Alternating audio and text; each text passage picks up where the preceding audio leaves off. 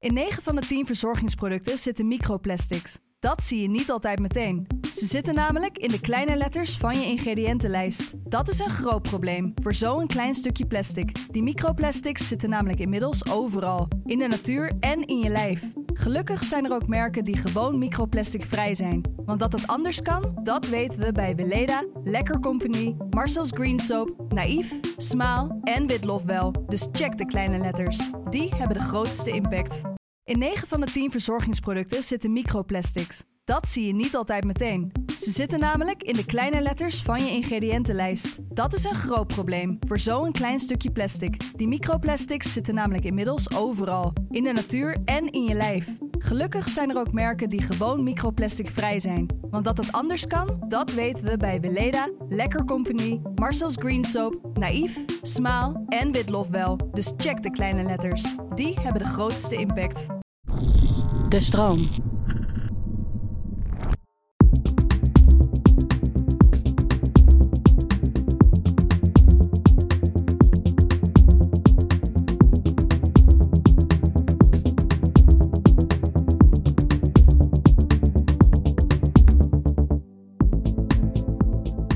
Fijn dat je luistert naar de Podcast Psycholoog. Een podcast waarin ik, Marissa van der Sluis, samen met andere psychologen in gesprek ga over belangrijke onderwerpen. Om zo met z'n allen onszelf en anderen beter te leren begrijpen. Vandaag gaan we het hebben over het onderwerp paniek. En daarover ga ik in gesprek met Merel Kind. Merel Kind is hoogleraar in de klinische psychologie aan de Universiteit van Amsterdam. En daarnaast is ze oprichter van Kind Clinics, een gespecialiseerde kliniek voor de behandeling van fobieën en angsten. Merel, welkom in de studio. Lekker warm is het hier. Ja, aangenaam.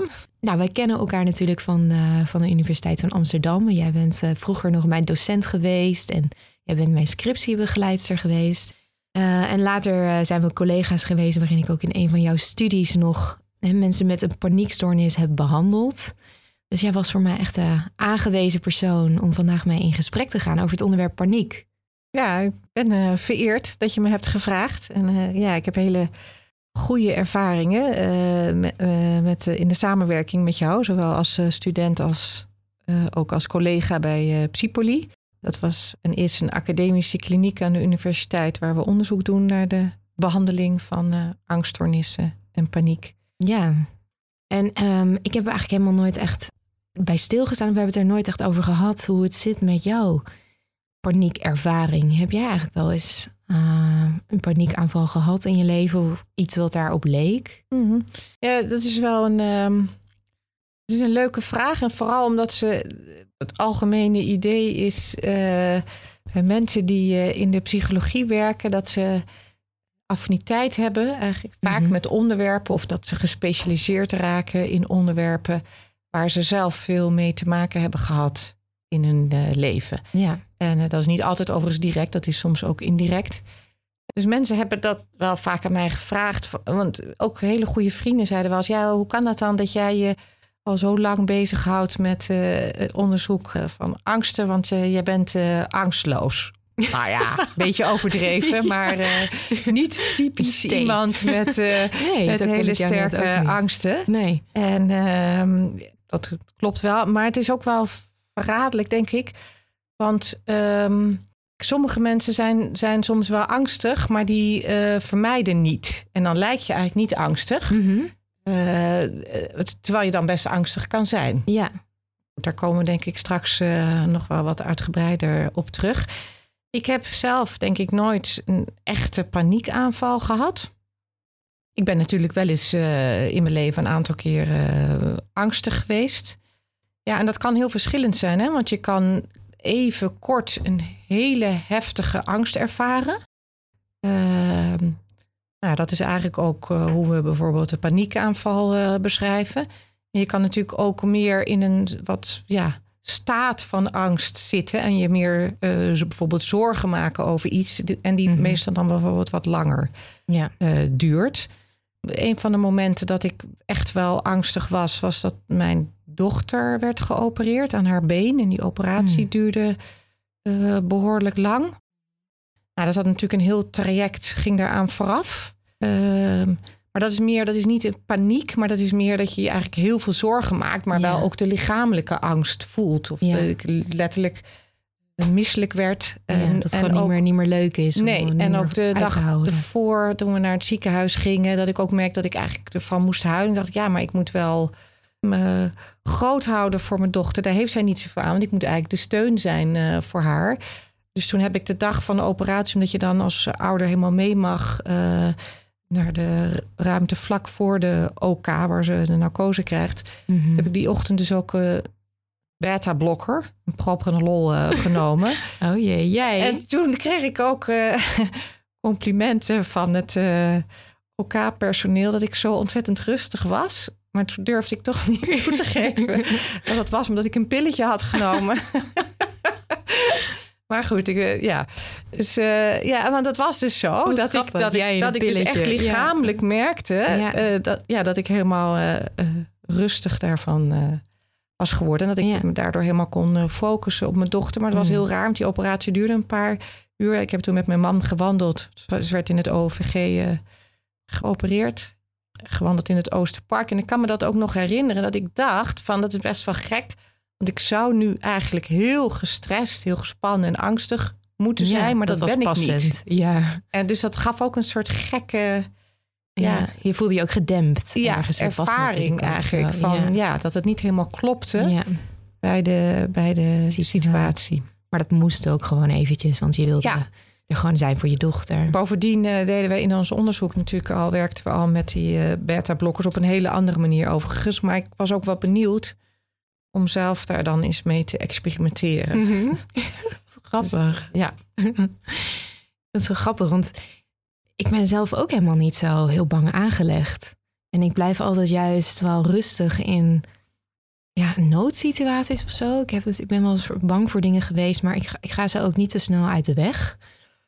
Maar wat ik wel eens heb gehad, eh, dat ik s'nachts ineens wakker werd. Zo. En dat dan met mijn hart die ontzettend tekeer ging. En dat ik da- dan ineens dacht van, wat is er aan de hand? Waar is het gevaar? En dat eigenlijk alles in een staat van paniek stond. Eh, maar ik denk ook doordat ik dit werk al wat langer doe... en in ieder geval natuurlijk al een tijdje psychologie heb gestudeerd... dat ik meteen dacht, oh ja, ik ben in paniek. Maar voor, Ja. er is voor de rest niks aan de hand. En die, die kennis hielp mij altijd weer om rustig te blijven. Ja. Dat ik dacht, ik moet hier gewoon even doorheen. Het is een lichamelijke reactie. En ik denk alleen maar dat het daarom geen paniekaanval is geworden ja. omdat ik het gewoon op een eh, ja, goede manier kon interpreteren. Ja. Als ik die kennis niet had gehad, was ik denk ik wel heel bang geweest. En had ik misschien gedacht. Ja. Dus wat is dit? Mijn hart, is, het, is iets, iets niet goed met mijn hart? Of ik raak de controle kwijt. Ja.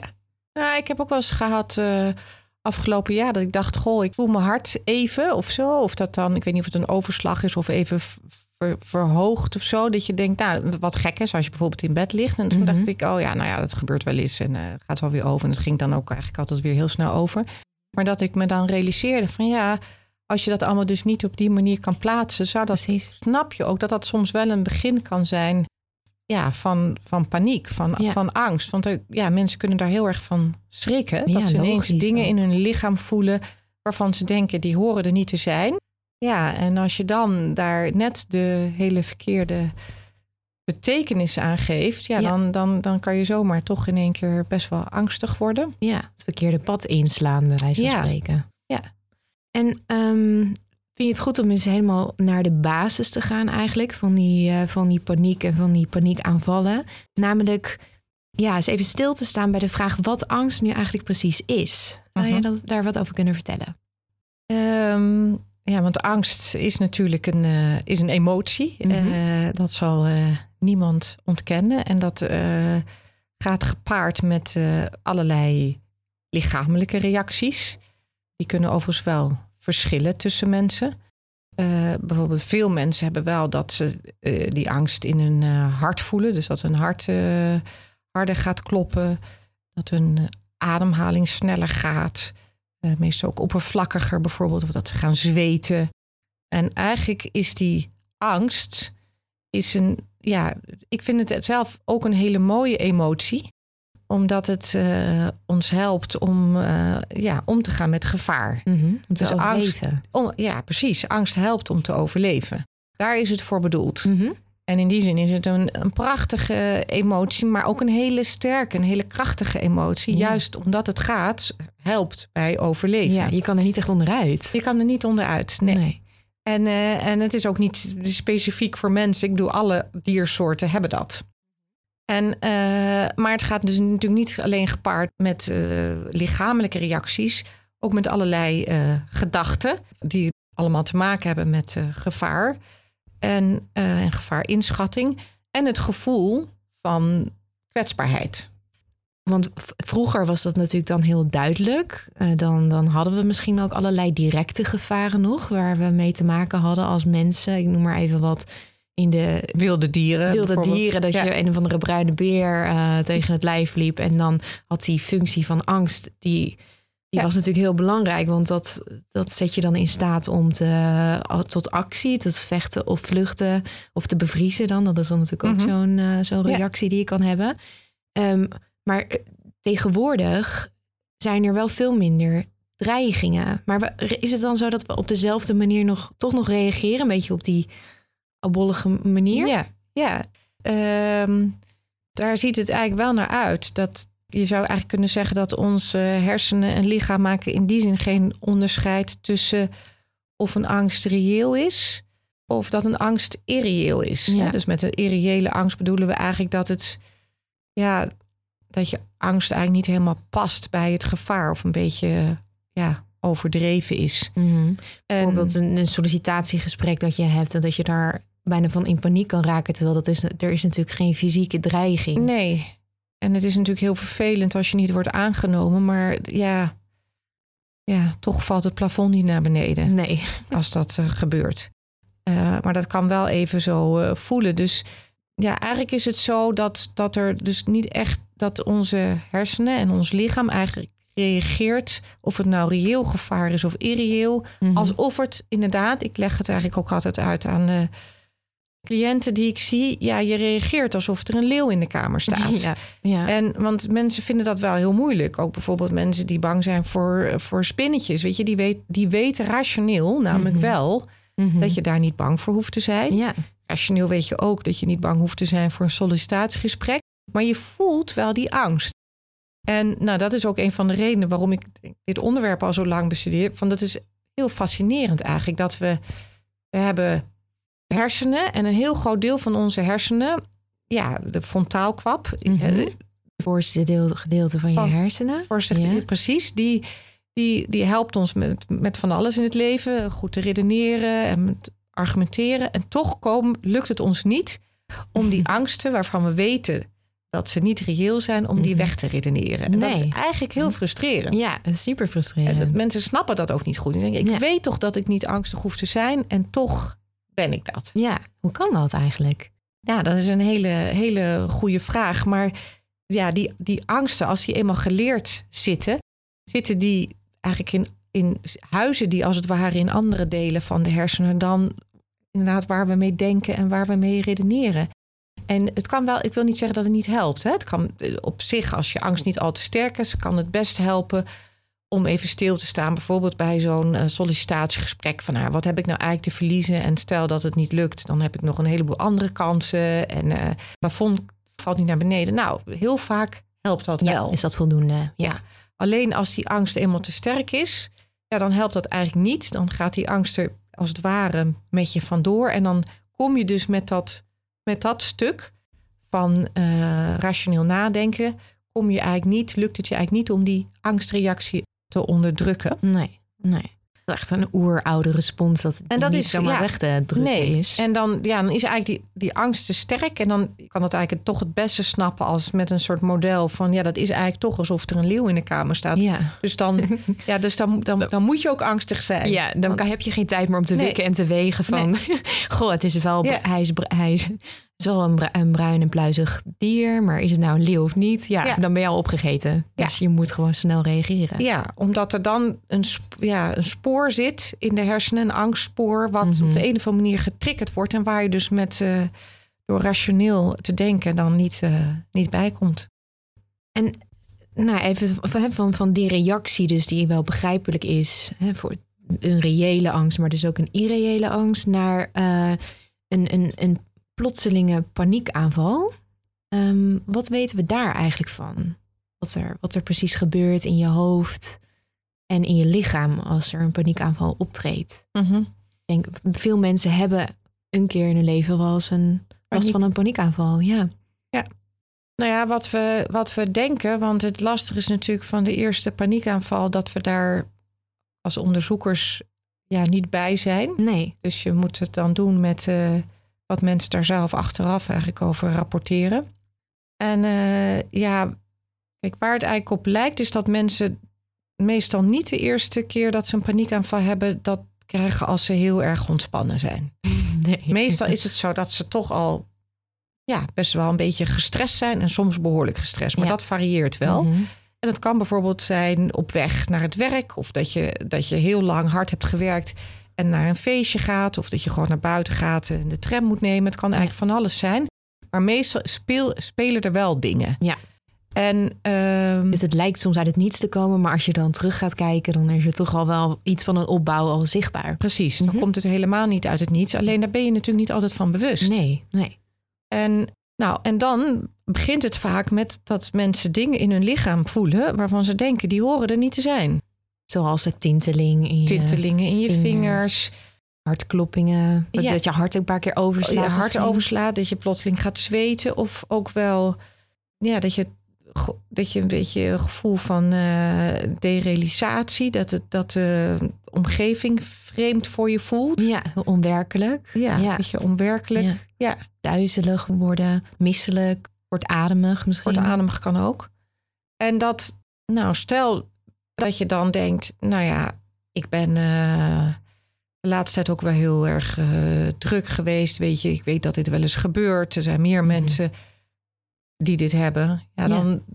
waarschijnlijk gaat het dan al snel wel weer beter met je. Ja, want dan richt je je aandacht weer op iets anders en je gaat weer door waarmee je bezig was. Ja, maar het komt natuurlijk ook voor dat mensen hier heel erg van schrikken. Wat ja. je ook wel goed kan begrijpen. Omdat mm -hmm. je dan, als je dat nog nooit hebt gehad, je snapt eigenlijk niet waar dat vandaan komt.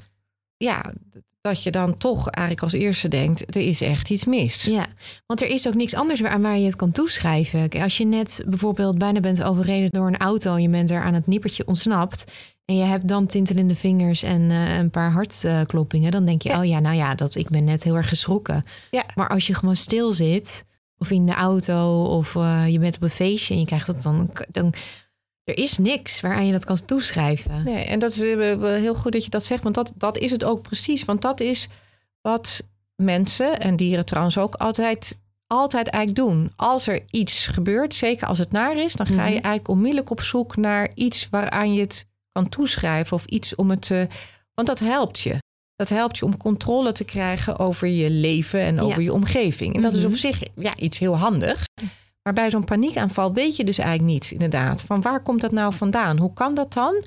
Ja, en dan, wat doen mensen dan? Dan denken ze, dan zal er dus wel iets heel erg mis zijn. Want dat, dat, dat, is, dat lijkt dan ja. een soort, weet je, oorzaak ja. van dat ik me zo voel. Bij sommige mensen, die denken dan vooral aan iets lichamelijks. Bijvoorbeeld, hmm, ik ben misschien, uh, is er echt iets mis met mijn hart? Um, en andere mensen, die denken eigenlijk meer aan iets geestelijks, iets, iets psychologisch. Mm -hmm. Van nou, uh, misschien begin ik wel helemaal gek te worden. Ja, het is het begin van mentale gekte. Ja, ja. van een breakdown. En het vervelende is dat als je eenmaal zo'n soort gedachte hebt, of het dat nou lichamelijk is, van misschien is, ik, heb, krijg ik straks een hartaanval, of uh, word ik straks gek, of heb ik, ik begin alle controle te verliezen, dan word je van die gedachte mm -hmm. angstig. Als je dat echt gelooft. Ja, tuurlijk. Dat is ook een hele enge gedachte. Dat is een hele enge ja, gedachte. Als ik daar nu daar... aan ga denken, dan word ik daar ook angstig van. Tuurlijk. Dus als je daarvan overtuigd bent, word je angstig. En wat gebeurt er als je angstig wordt? Al die lichamelijke reacties worden dan opgeroepen. Ja. Zoals verhoogde hartslag of zweten of ja. tintelingen of misselijk. Dus feitelijk wat er dan gebeurt is dat, dat datgene waar je eigenlijk van schrok, wordt dan versterkt. Waardoor je eigenlijk denkt, zie je wel, is ja. echt iets mis. Dit ja, want je gaat het opmerken en je merkt ook dat het zich opbouwt, in je, terwijl je wil dat het overgaat. Ja. Maar het wordt erger. Dus dat wordt gezien als een bewijs voor die gedachten. Waardoor je nog angstiger wordt. Lichamelijke reacties allemaal nog heftiger. Nou, en zo. Echt heel naar. Het is afschuwelijk. En zo Het gaat kan snel. het kan heel snel gaan. Ja. En zo kan iets wat misschien in het begin eigenlijk heel onschuldig is, in één keer ja, een hele heftige ervaring worden. Namelijk een paniekaanval. Ja. Dus dan zit je echt in die piek. Het komt overigens ook voor, en dat hoor ik eigenlijk steeds vaker, zeker bij eh, jongeren, adolescenten, dat drugs dit kunnen oproepen. Omdat er dan ook lichamelijk allerlei dingen gebeuren die je eigenlijk nog nooit eerder hebt gevoeld. En dan weet je op zich nog wel, je kan het toeschrijven aan het middel wat je Ja. hebt genomen. Maar je kan dan nog steeds denken, door dat middel gaat het nu helemaal mis. Ja. Zowel ofwel lichamelijk of geestelijk. En daar heb je dan geen controle over. En wat dan heel beangstigend is, is dat mensen kunnen denken: ja, weet je, dit is het begin van het einde. Ik kan dat niet meer terugdraaien. Ik kan dat middel nu niet uit mijn systeem krijgen. Mhm. En ja, ik word gek. Of ik, ik, ik, of ik ja, mijn mijn hart spat uit Ja, elkaar. ja. Of, of iets anders. Ja, ik herken, dat, ik herken dat wel. Ik ben één keer eh, met een vriendin naar eh, Israël geweest. En toen was ik in Tel Aviv. En toen hebben wij een jointje gerookt. En ja, wij wisten dus allebei niet echt precies wat erin zat. In ieder geval, ik werd er helemaal niet lekker van. Eh, ik kreeg een soort rare fysieke eh, verschijnselen. Dus een soort van rare kriebel eh, op mijn hoofd. En een soort alsof ik elektriciteit door me heen voelde gaan. En tegelijkertijd kreeg ik ook een heel raar gevoel. Alsof ik niet meer echt in de werkelijkheid was.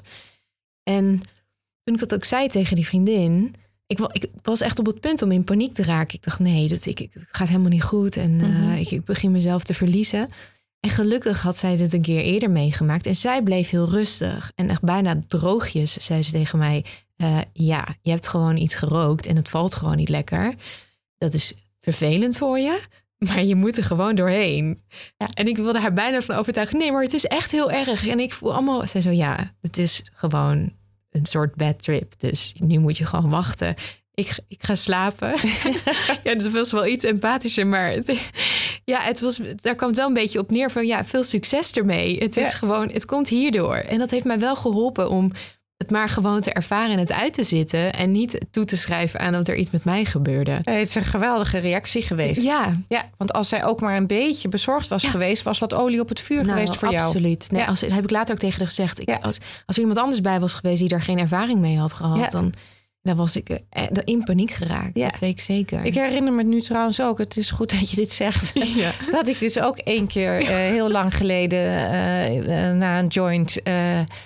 Ja, ik denk ook wel toch zoiets als een paniek heb ervaren. Omdat ik weet echt wel dat ik de weg kwijt was. En eh, ook allemaal. eh, Ik weet dat het was in de tijd dat mannen nog cowboylaarzen droegen. ja. en ik weet dat daar nog steeds mijn man zijn laarzen voor de kachel had gezet. En dat zag ik een soort legerschoenen of zo. En ik had echt, echt allemaal hele rare visioenen. En toen dacht ik, dacht, dit gaat gewoon helemaal niet goed met me. Ja. Dus daar raakte ik inderdaad ook wel wat van in paniek. Maar Daan die eh, bleef heel rustig. En die, die had inderdaad ook verhalen van... ja, nou, dat komt wel eens vaker voor. En eh, Ja. weet je, eh, Zo fijn. komt wel weer goed. Ja, Ja. ja. dat helpt dan wel echt onmiddellijk. Ja, het, bij mij komt het ook voort van... Hey, ik kan niet meer ineens op mijn eigen beoordelingsvermogen vertrouwen... of op mijn eigen ehm, brein. Ja. En dat vond ik heel beangstigend. Want dat, Ja. ja. vooral voor, voor mensen als wij... die ook heel erg vertrouwen op onze... Ja, eh, cognitieve vermogens. ja, cognitieve Ja. vermogens. Is het, en je Ja. raakt dat ineens kwijt. En terwijl je er eigenlijk niet op zat te wachten. Want als je dat wil, dan is dat natuurlijk niet erg. Dan kan je best die controle loslaten. Maar dat was op dat moment niet wat ik wilde. En dan ga je er eerst tegen vechten. En op het moment dat je het loslaat, dan ja, Ja. kan je er best wel mee omgaan. En Merel, wat maakt mensen eigenlijk ehm, nou wat vatbaarder voor paniekaanvallen? Is daar wat over bekend? Ja, daar is wel wat over bekend. Is dat is niet zo'n heel groot deel, maar ja, er is wel een erfelijke factor. Dat wil zeggen, sommige mensen zijn wel wat gevoeliger om angsten te ontwikkelen dan anderen. Of om de paniekstoornis te ontwikkelen dan anderen. Het heeft ook wel te maken met eh, opvoedingsstijlen. In het algemeen, als je ouders heel overbeschermend eh, zijn geweest, of zelf angstig zijn geweest, dan draagt dat wel wat, eh, wat over. En niet zelden is het zo dat mensen bijvoorbeeld met uh, paniekstoornis, dus die mensen die geregeld paniekaanvallen hebben, ook eh, ja, een ouder hebben met een paniekstoornis. Ah, ja, dus dat wordt een beetje overgegeven. Ja, dus daar zit dan vermoedelijk wel een erfelijke factor in, maar ook natuurlijk wel ja, leerervaringen. Je hebt het vaak gezien en vaak aan blootgesteld. Ja, en daarmee leer je misschien dat, dat de wereld een beetje een gevaarlijke plek is. Mhm. En dan neem je dat over. Ja, en um, ik bedoel, het voorbeeld wat jij net gaf met uh, na een joint roken. Als jouw vriendin nou, je weet het natuurlijk nooit helemaal zeker, maar de, hè, de kans mhm. bestaat dat als jouw vriendin nou zelf ja, daar angstig op had gereageerd, dat jouw angst dan sterker was geworden. Ja, zeker. En jij zegt ook nu terug, kijk, nee, het was heel erg omdat zij zo rustig bleef. Mhm. Dus daaraan zie je al in, in het één zo'n ervaring hoe ongelooflijk belangrijk het is hoe jouw omgeving daarop reageert. En ja, wat je daarvan meekrijgt. Ja. En um, nou, we hebben, er wordt ook wel onderzoek gedaan met uh, vragenlijsten. En dan kan je ja, meten wat voor trekken mensen nou hebben. En dan zien we wel dat mensen bijvoorbeeld met een uh, paniekstoornis zijn over het algemeen uh, ja, letten die eigenlijk wat meer op lichamelijke sensaties. Dus mhm. hoe ze zich voelen. Daar mhm. verschillen mensen in. Nou ja, die dus scannen dat wat meer. Ja, sommige mensen scannen gewoon vaker hun lichaam. Zijn daar meer mee bezig wat ze wel en niet voelen. En andere mensen zijn dat van nature wat minder. En je kan je dus voorstellen dat je, ja, dan voel je natuurlijk ook meer. En dan, nou ja, en als je dan ook nog ja, wat sneller geneigd bent tot dat negatief te interpreteren. Dus als je sneller geneigd bent om gevaar te zien dan uh, sommige anderen, ja, dan kan je je voorstellen, je voelt wat in je lichaam. Je hebt iets meer de neiging om beren op de weg te zien. Ja, dat, dat, dat je dus ook sneller zo'n paniekaanval krijgt dan sommige en, anderen. Ja, en ik heb ook wel geleerd door, door, door te werken met mensen met paniekaanvallen, dat het vaak ook neerkwam op het, ja, het, het gevoel van controle verliezen. Is het dan ook zo dat mensen die last hebben van paniekaanvallen misschien ook liever dan andere mensen de boel een beetje onder controle willen houden? Ja, absoluut. Um, daar heeft het zeker mee te maken. En, uh, en dat is ook wel vaak een van de kernangsten als mensen dan zo'n paniekaanval hebben. De, hè, de angst voor controleverlies, angst om gek te worden, dat is een vorm van controleverlies. Ja. En uh, ja, dat is zeker zo. Dat geldt overigens wel voor voor eigenlijk uh, alle angsten, maar zeker ook voor uh, paniek. Mm.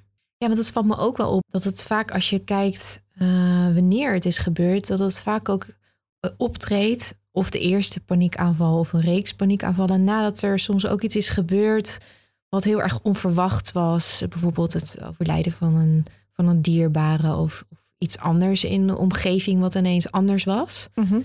um, dat het soms ook wel daardoor kan worden getriggerd. Ja, zeker. Dus dat je in één keer ja, je realiseert. Uh, want het is natuurlijk ook eigenlijk best een illusie hè, dat wij ons eh, leven zo uh, kunnen voorspellen en controleren. Ja, maar ja. toch houden wij daar wel aan vast. En sommigen Mhm. meer dan, dan anderen. En ja, je kan je voorstellen dat als dat voor jou ja, heel belangrijk is. En als er dan iets gebeurt waarvan je dus je realiseert, god, dat, hè, dat, dat, dat kon ik inderdaad niet voorspellen. En ik kan Mhm. er dus ook niks aan doen. Ja. Dus dat gevoel van geen controle hebben. machteloosheid. Ja, dat het in één keer wat meer op losse schroeven komt te staan. En dat, dat, en dat kan dan ook generaliseren naar andere situaties. Dat je het gevoel hebt van, god, dat, hè, dat, dat, dat gevoel van, ja, ik heb eigenlijk misschien helemaal niet zoveel eh controle. Controle als ik dacht. Ja. Ja. dat het ook even jezelf opnieuw uitvinden is. Ja. Maar eh, dat dat niet altijd lukt. Ja. En bij sommige mensen kan dan zo één zo'n paniekaanval echt eh, leiden tot een paniekstoornis. Ehm, en kan je vertellen wat, wat dat precies is en hoe dat anders is dan gewoon een keer een paniekaanval hebben? Ja, bij, bij mensen met een paniekstoornis, die hebben vaker eh, paniekaanvallen. Of het is zo dat die paniekaanval, dat ze daar eigenlijk zo ongelooflijk van geschrokken zijn, dat ze eigenlijk heel bang worden om nog een keer zo'n paniekaanval te krijgen. Dus het maakt natuurlijk heel erg uit wat voor betekenis je geeft als je een keer zo'n paniekaanval hebt gehad. Wat voor betekenis je geeft dan aan die paniekaanval. En dus als je het kan wegschrijven als, nou ja, god, dat, dat was iets, want ik was heel erg moe of gestrest door mijn werk. Of ik heb inderdaad uh, gebloot of wat dan ook. Dan maak je daar geen zorgen over. En dan blijft het waarschijnlijk. dit gebeurt. Ja. Gebeuren, ja. Maar maak je nou heel erg zorgen en snap je het ook helemaal niet goed. En word, en, en word je heel erg bang dat je mhm. dat nog een keer gaat krijgen. Ja, dan, dan wat je dan eigenlijk ziet is dat mensen, we noemen dat anticipatieangst. Dus dat ze eigenlijk ja, heel erg angstig worden om nog een keer zo'n aanval te krijgen. En wat mhm. ga je doen als je heel erg angstig bent hè, om nog een keer angstig voor nog een keer die angst? Ja, angst voor de angst. Angst voor de angst, dan ga je vermijden. Ja. En dat is op zich heel begrijpelijk. Ja, natuurlijk. Ja. ja. Dat lucht wel op, want dan word je in ieder geval daar niet meer mee nou geconfronteerd. Dan, dan heb je in ieder geval het idee dat als ik maar die situaties vermijd, dan eh, krijg ik waarschijnlijk geen paniekaanval. En dus soms, je ziet wel eens dat mensen eigenlijk maar één keer echt een hele grote paniekaanval hebben gehad. En mhm. daarna eigenlijk zelden, maar wel heel veel, heel vaak en behoorlijk angstig zijn. En dan is die angst eigenlijk veel meer de angst voor nog een paniekaanval. De meeste mensen hebben wel meer paniekaanvallen gehad dan de mensen met een paniekstoornis. En um, dus die hebben eigenlijk een combinatie van en angst voor de volgende paniekaanval, maar die hebben dat af en toe toch wel. En um, ja, die vermijding is cruciaal. Want het moment dat je daaraan gaat toegeven en gaat uh, vermijden. Mm Zoals wat vermijden? Heb je daar nou, bijvoorbeeld, uh, ja, stel je hebt je eerste paniekaanval gehad terwijl je aan het rijden was op de snelweg. Ja. Dan zie je mhm. vaak dat mensen daarna soms nog wel durven rijden, maar eigenlijk niet meer de snelweg op durven gaan. Dus je koppelt als het ware die snelweg aan het krijgen van een paniekaanval. En, dan en er zit op zich, zou je kunnen zeggen, ook nog wel een reëel aspect dan aan die, aan die angst. En mensen denken dan, ja, nou ja, dat is eigenlijk wel heel erg gevaarlijk om een paniekaanval te hebben op de snelweg. Ik had wel dood kunnen zijn, want ik mhm. had wel aan mijn stuur kunnen rukken. Ik had iets anders geks kunnen doen. En uh, ja, dat had helemaal verkeerd kunnen aflopen. Dus denken mensen dan, nou ja, ik kan misschien nog van gaan rijden, maar ik ga nooit meer die snelweg op. Ja, en als je dat dan eenmaal gaat vermijden. Ze hebben geen vertrouwen meer in zichzelf ook, hè? Nee. nee. En dan beginnen ze dus daarmee. En dan kan het zich uitbreiden als een olievlek. Hè? Dat is mijn ervaring. Dat, ja. dat, dan, ja, dan wordt in begin bij de snelweg. Maar dan denk je, ja, ben ik eigenlijk nog wel te vertrouwen überhaupt achter het stuur? En dan ga je misschien stoppen met autorijden. En dan ga je je ook afvragen of het niet op andere momenten ook zou kunnen voorkomen. En dan vervolgens durf je nog niet eens meer boodschappen te doen. Ja, dus dat zie, dan zie je eigenlijk meer van, dat heeft dan te maken met als je, als je, iets, als je iets doet, hè, zoals autorijden, en je hebt dan je eerste paniekaanval, dat mensen dan soms ja, zichzelf niet meer vertrouwen in hun handelingen. Dus dat ze vanuit die paniekaanval dan misschien dingen gaan doen ja, hè, die niet te vertrouwen zijn. Ja. Je hebt ook mensen die bijvoorbeeld de eerste paniekaanval hebben als ze in de tram zitten. Of in een andere situatie waar mensen om zich heen zijn. en die vinden. Ja. ja, en die vinden het dan heel gênant. Ja. Dat ze zo'n paniekaanval hebben. En die maken zich eigenlijk heel veel zorgen dat anderen dat kunnen zien. Of dat ze flauw vallen waar anderen bij zijn. En uh, die gaan, zullen dan meer de neiging hebben om situaties te gaan vermijden waar anderen zijn die dan zouden kunnen zien dat ze een paniekaanval hebben. Maar soms, ja, wordt het eigenlijk zo groot dat mensen het ook zich thuis niet meer helemaal veilig voelen. Dus dat, mhm. dan zou ik eigenlijk kunnen zeggen dan, wat jij ook eerder zei, dan vertrouwen ze zichzelf überhaupt niet meer. Dan kan het eigenlijk ieder moment gebeuren. Nou, dan, mhm. dat is, dan ben je, ja, dat is verschrikkelijk. Dan ben je echt voortdurend in angst dat je de controle verliest. Ja. En mm, we hadden het even over vermijding. Uh, dat dat op korte termijn dan even oplucht. Uh, en op nou ja, op lange termijn dan niet. Hè? Maar dat is dan echt uit die situatie gaan. Of die situatie überhaupt vermijden. Kan je ook op, nog op andere manieren vermijden? Want sommige mensen hebben ook wel uh, soort trucjes om, om ermee om te gaan. Ja. In hun hoofd. Nee, zeker. Want er zijn ook wel mensen die toch ja, heel moedig zijn. Eh, dan wel bijvoorbeeld naar hun werk gaan uh, of de trap nemen. Maar wel soms duizend doden sterven van angst. Ja. Uh, maar toch vinden van ja, ik moet naar mijn werk en daar kan ik ook niet mee stoppen. En, en die hebben dan eigenlijk allerlei andere manieren. Dus het, dat kan met bepaalde gedachten. het kan zijn door anders te gaan zitten of juist anders de adem te halen. Mm aandacht ergens anders op te richten. Dus het altijd een flesje water bij. Allerlei trucjes zijn inderdaad flesje water. Een pammetje in je portemonnee. Ja. Dat gebeurt ook echt vaak. Heel veel. Uh, ja, heel vaak nemen mensen inderdaad ook um, ja, een pilletje om rustig te worden. En uh, ja, het vervelende daarvan is dat die heel verslavend zijn. En dat die niet helpen om over die paniek heen te komen. Nee. Dus op de korte termijn word je daar wel even rustig van. Uh, maar ja, je leert er eigenlijk niks van. En ja, eigenlijk werkt het averechts, want je houdt daarmee de angst in stand. Ja, omdat je dan eigenlijk leert. Stel je voor, je, je neemt dan dat pilletje. Op het moment dat, dat je aanvoelt komen dat, dat je weer in zo'n piek terechtkomt. Eigenlijk na afloop kan je dan denken: oh, als ik dat pilletje niet had genomen, die oxazepam, dan was het helemaal misgegaan. Want ik had dat alleen niet aangekund. Ja. En eigenlijk versterk je daarmee de angst op lange Ja. termijn. Ja, precies. Dus eigenlijk krijg je steeds als het ware een bevestiging van je angst. Als ik inderdaad niet die pil had genomen, of als ik niet eh, rustig was gaan zitten, of als ik eh, niet anders was gaan ademen, dan was het verkeerd gegaan. Mhm. Ja. Ja, dus ook dat werkt niet. Ook al kan het wel heel veilig voelen. En denk je, ja, maar dit, zijn, dit is mijn houvast om nog de dingen te kunnen doen die ik wil doen. Dus Ja. ja, ja Nou ja, het werkt wel op korte termijn, Ja. maar niet op lange termijn. precies. Niet ja. op lange termijn. Je komt Ja. er niet mee van je angsten af. Je kan Nee. op een gegeven moment niet meer zonder al die maniertjes eigenlijk. Die eh, ja, kunstgrepen. Wel heel begrijpelijk.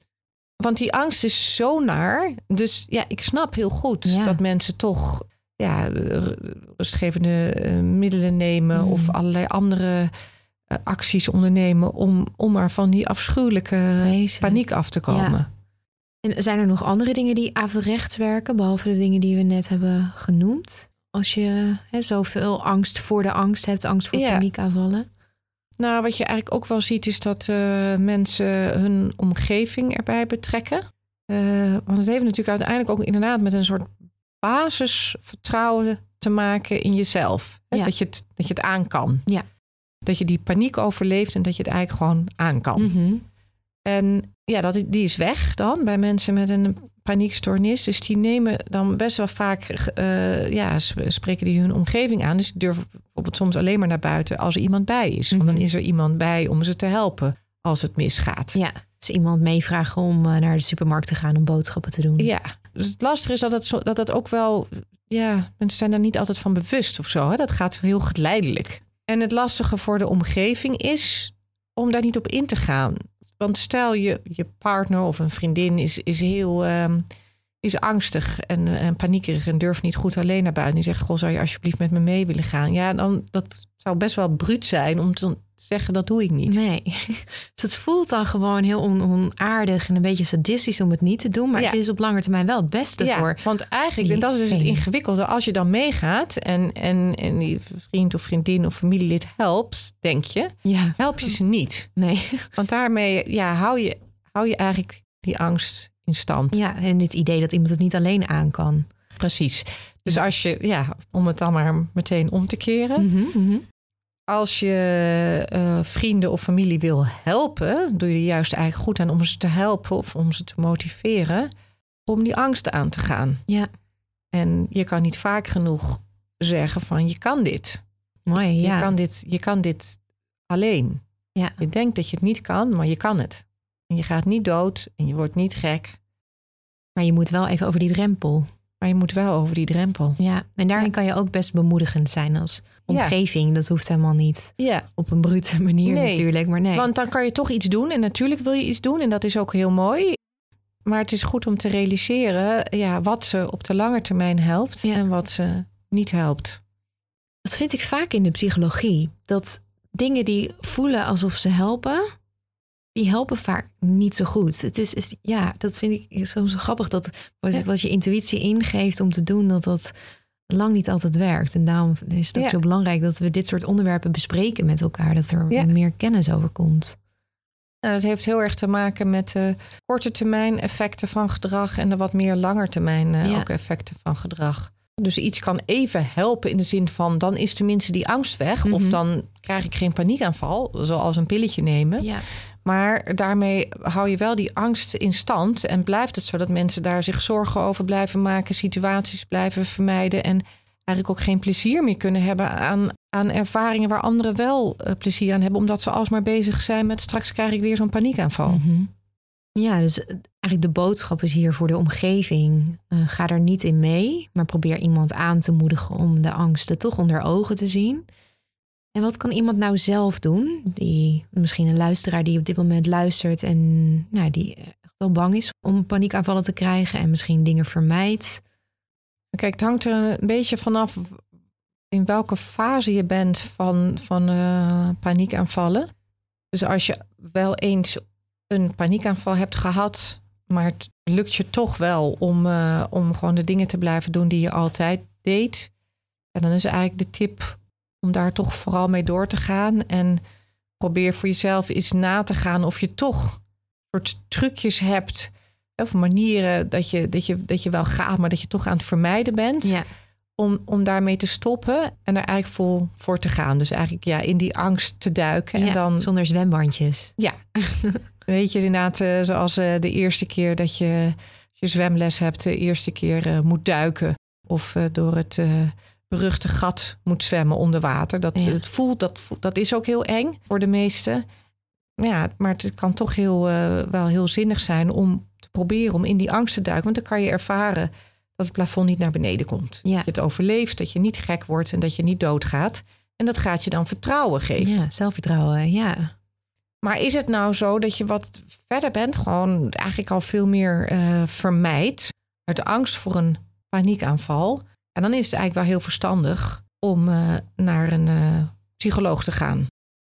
Want op zich is het zo dat er zijn hele goede behandelingen Mhm. mm -hmm. voor mensen met een paniekstoornis. Maar het is wel iets makkelijker om dat te behandelen als je daar een jaar of twee jaar mee loopt. Of als je daar tien jaar mee loopt. Ja, en ook, ook als niet te lang wachten als je er niet zelf uitkomt. Nee. nee. En als je er tien jaar mee loopt, is het ook nog steeds heel goed te behandelen. Maar ja, dan is het natuurlijk al vaak nog meer gegeneraliseerd ja, naar allerlei situaties. En wat er ook verdrietig aan is, is dat je dan door die paniekstoornis ook allerlei hele mooie positieve ervaringen hebt gemist. Die Mhm. je had kunnen hebben als je eerder was behandeld. Ja. Ja, en je hoeft het niet allemaal altijd alleen te kunnen. Als het niet lukt, dan Nee. kan het echt wel helpen om begeleiding daarin te vragen. En Ja. iemand die jou misschien ook net eventjes over die drempel iedere keer op een, kan sturen op een liefdevolle manier. Ja. Dus eh, ja, dat is wel een belangrijke toevoeging, denk ik.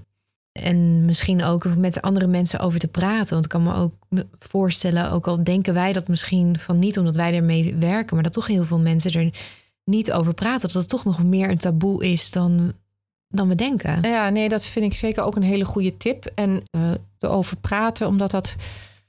Het is toch een, een, misvatting dat als je je emoties kan controleren, Mhm. dat dat een teken is van sterk zijn. Ja. En dat als je je emoties uh, bijvoorbeeld of, en of niet laat zien, dat dat een teken van sterk zijn is en ook beter. Ja. Terwijl, ja, ik vind het eigenlijk eerder omgekeerd. Ik vind het juist altijd heel mooi en krachtig als mensen zich ook van een kwetsbare kant kunnen laten zien. Uh, dat maakt ze heel menselijk. Ja. En um, vaak helpt dat ook in het contact, dat verbindt beter. Want het is voor andere mensen juist ook wel fijn om dan iets te kunnen doen en iets voor iemand te kunnen betekenen die, uh, die zich kwetsbaar toont. Ja. En je kan ook dan meteen, als je er open over bent, vragen aan je vrienden om juist jou een beetje te helpen of motiveren om die angst aan te gaan. Dus ook, ook dat zal je uiteindelijk helpen. Ja. Erover praat, om het dan niet allemaal ja, een beetje in het geheim te houden. Uh, maar weet je, want die de goede vrienden zien dat dan ook. Van hé, hey, oh ja, weet je, je bent, je bent weer aan het vermijden. Kom op, je kan dit. En we Ja. gaan dit doen. Het maakt ook veel minder eenzaam eigenlijk. Ja. Ja.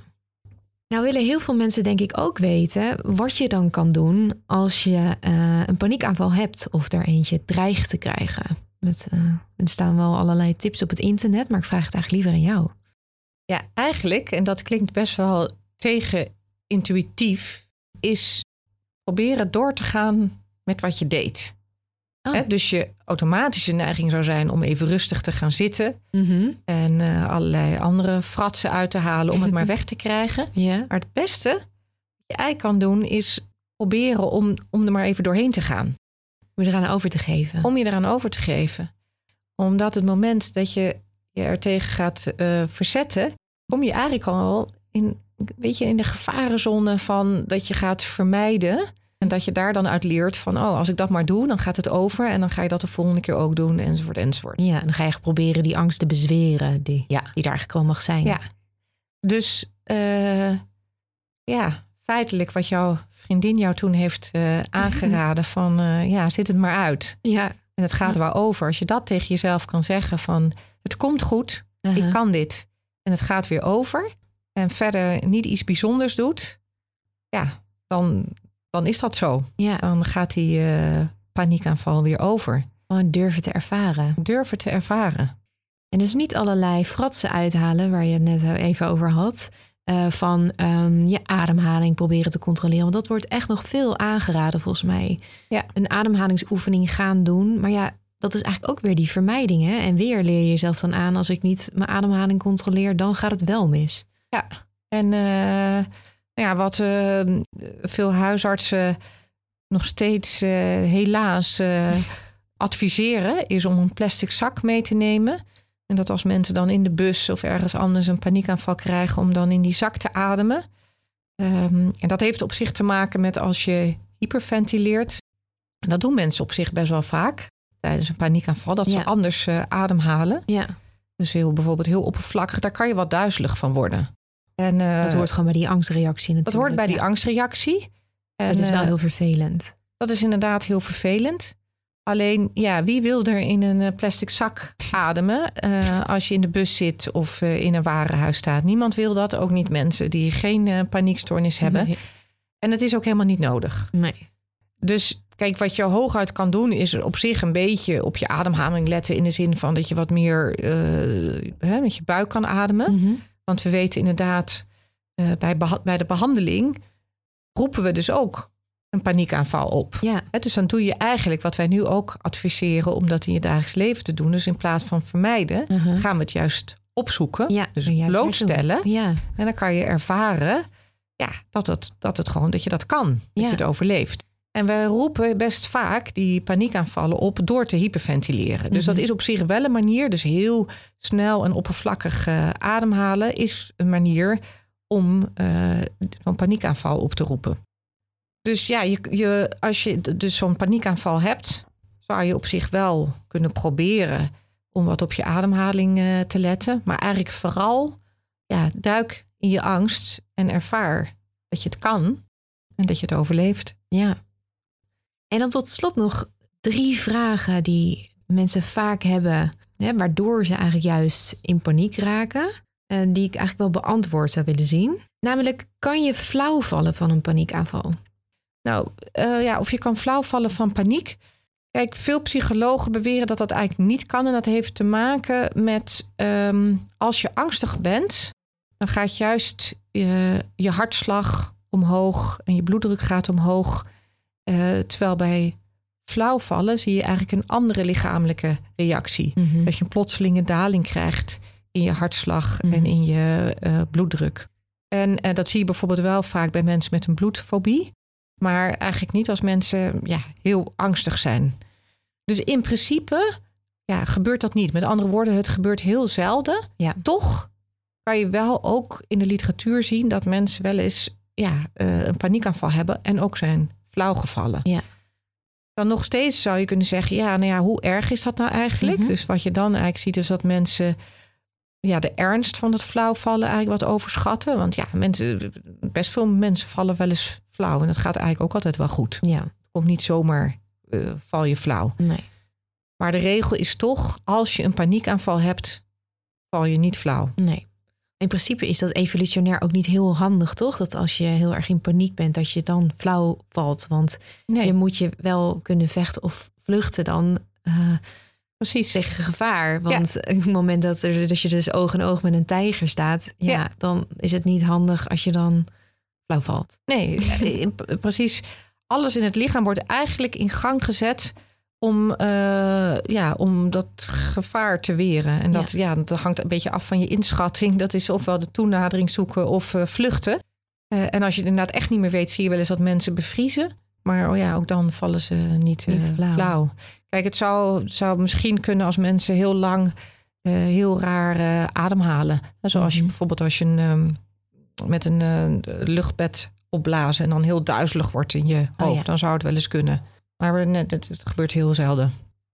En ik, denk ook wel dat er mensen zijn die denken: ja, als ik dan te vaak een paniekaanval heb, of ik, ik ga er te diep in, in die angst, dan, dan kan ik mijn eigen hoofd niet meer vertrouwen en dan word ik misschien gek of ik raak in een psychose.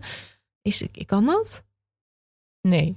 Nee, hè? Nee, nee dat gebeurt gewoon niet. Nee, uh, dus echt gek worden. Dat je, dat je, dat je uh, dingen ziet die anderen niet meer zien enzovoort. Uh, dat, dat is iets heel anders en dat heeft niets te maken met paniekaanvallen. Nee, je wordt dus het voelt wel alsof je. En dat heeft echt te maken met het verlies van controle.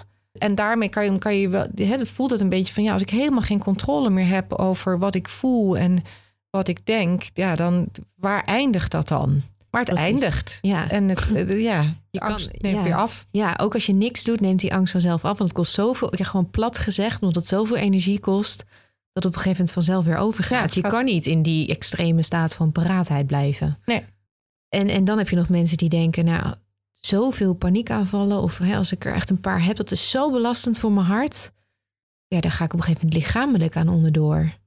Kan dat? dat... Nou, uh, mensen gaan niet dood van paniekaanvallen.